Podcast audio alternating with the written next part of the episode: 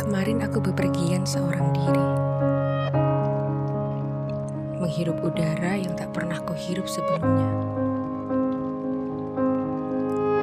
Sembari menerka-nerka, bertanya pada diri sendiri, masih adakah kamu di dalam hati?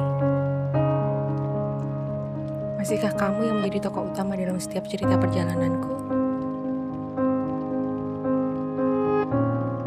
Semua pertanyaan itu kini berubah menjadi sebuah pernyataan? Tidak. Sudah tidak ada kamu di relung hati. Bukan. Bukan lagi kamu yang menjadi tokoh utama dalam setiap cerita perjalananku.